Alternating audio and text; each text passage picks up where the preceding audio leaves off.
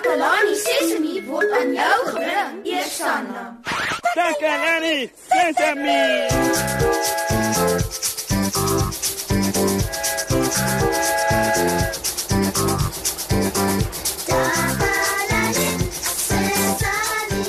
Hallo, hallo almal. Baie welkom by vandag se program. Weet julle, Ziek het vir my 'n storie vertel wat hy raakgeloop het op een van sy wêreldreise. Een koue nag op 'n besoek aan die Oos-Kaap het iemand hom die storie vertel. Die storie het hom so geraak dat hy dit nooit kon vergeet nie. Ek wonder of een van julle al ooit so 'n soort storie gehoor het. 'n Storie wat bly vassteek in jou kop lank nadat jy dit gehoor het. Hierdie storie is so 'n storie. Toe Ziek vir my die storie vertel, het ek ook baie van die storie gehou en dit het my ook sedertdien bygebly. En vandag wil ek dit nou met julle deel. Ziek sê, dis 'n baie ou storie wat eeue ver terugstrek in tyd, omtrent 100 jaar dink ek. Ek gaan vir julle die storie probeer vertel soos Ziek dit vir my vertel het en ek hoop dat julle net so baie daarvan sal hou soos ek. Eendag, lank, lank gelede was daar 'n klein hoendertjie. Sy naam was Hoenderhappie. Hy het in 'n klein dorpie op die platteland gewoon. Op 'n dag, terwyl Hoenderhappie besig was om rond te skrop in die sand vir kos onder 'n appelkoesboom, val daar 'n appelkoes plop op sy kop.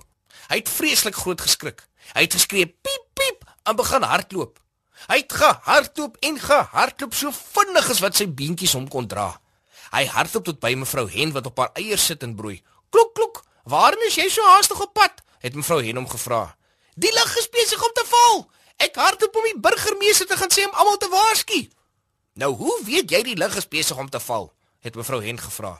Ek het dit met my eie oë gesien. Ek het dit met my eie ore gehoor en 'n stukkie daarvan het op my kop geval. Het Hoenderhappie geantwoord en vinnig verder gehardloop.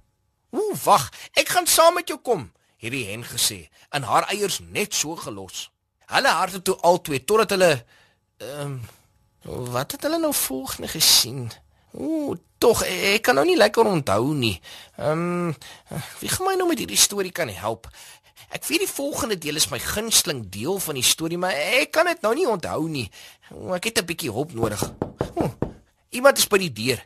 Ek hoop hy kan my help. Kom in asseblief. Hallo Moshi. O, oh, Ziek, o, oh, dankie tog. Ek is besig om die maats wat luister 'n storie te vertel wat jy vir my vertel het. En ek hak so 'n bietjie vas. Ek kan nie onthou wat volgende in die storie gebeur het nie. Hoe ver is jy met die storie? Ehm, um, wel, Hoenderhappie het nou net vir mevrou Hen ontmoet en hulle is albei op pad na die burgemeester toe. OK. Ehm, um, volgende ontmoet hulle die een. O, oh, ja, ja, ja, ja, ja, ja, ja, nou onthou ek. Ja. Uh, gee om as ek die storie verder vertel. Uh, al is dit jou storie. Glad nie. Uh, gaan gerus voort. Ja, dankie goed. En nou waar was ek dan? Ehm, um, ah, toe ontmoet hulle 'n eend op 'n dam. Sy naam was Inkie. "Waarheen is julle so haastig op pad?" Het die eend gevra terwyl hy rondswem in die dam. "Die lig is besig om te val en ons is op pad om die burgemeester te gaan waarsku," het Hoenderhappie geantwoord. "Hoe weet julle dat die lig besig is om te val?" het eentjie gevra.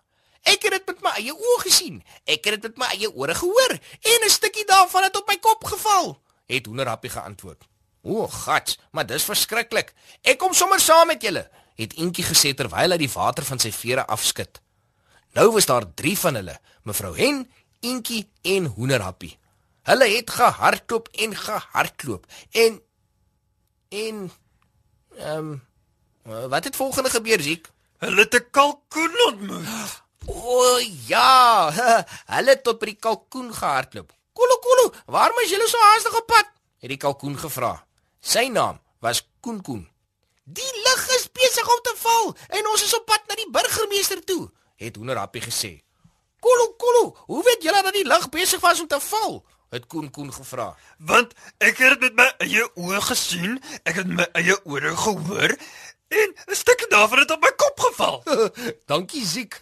O, dan moet ons sorg dat ons hardloop sodat ons by die burgemeester kan uitkom," het Koen Koen gesê. En hulle het almal saam gehardloop. Hulle tot by 'n gaans gehardloop. Haar naam was Gansie en sy was Koen Koen se meisie. Nou waarheen is julle so haastig op pad? het Gansie gevra. Die lig is besig om te val en ons is op pad om die burgemeester te gaan sê, het Hoenderhappie geantwoord. Hoe weet julle die lig is besig om te val?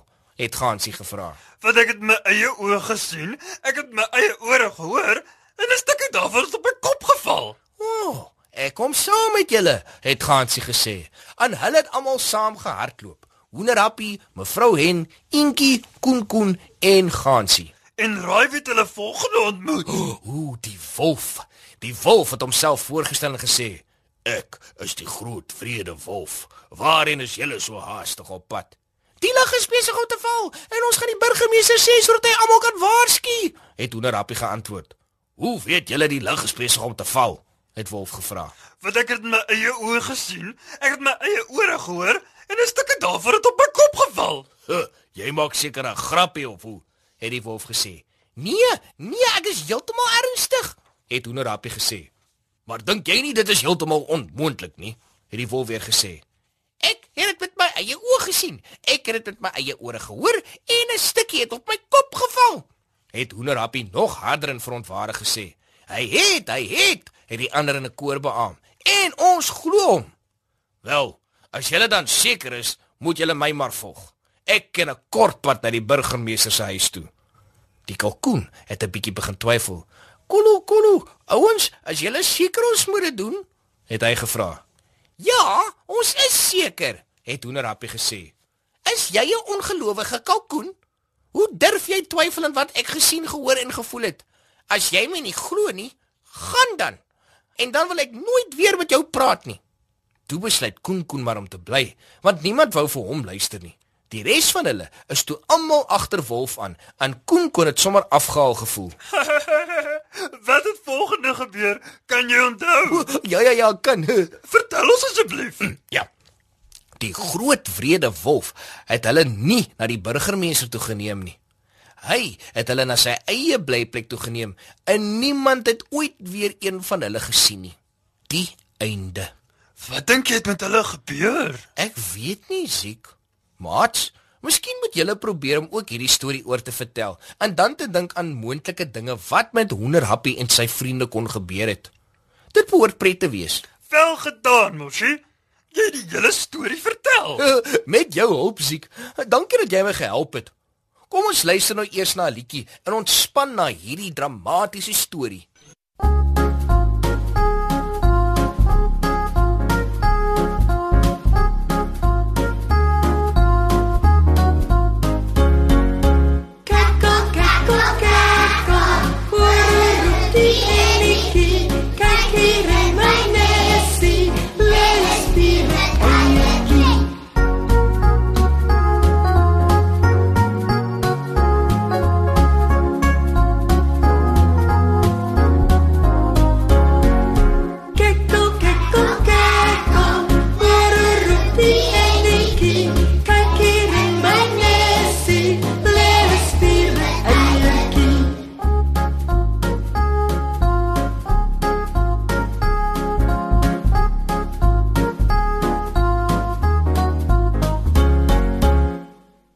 Ons is aan die einde van ons program.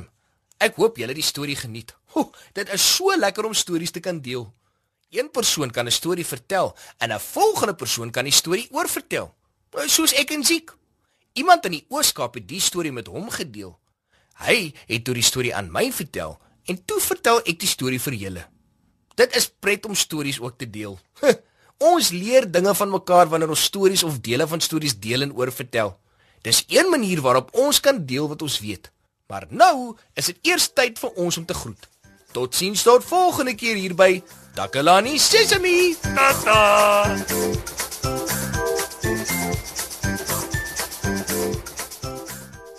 Takalani Sesemi is mondelik gemaak deur die ondersteuning van Sanlam. Takalani Sesemi is in pas met die kurrikulum van die Departement van Basiese Opvoeding wat 'n stewige grondslag lê in vroeë kinderopvoeding. Takalani Sesemi word met trots aangebied deur SABC Opvoeding in samewerking met Sesemi Workshop. Vir kommentaar oor hierdie program, stuur asseblief 'n e-pos na takalani.sesemi@sabc.co.za.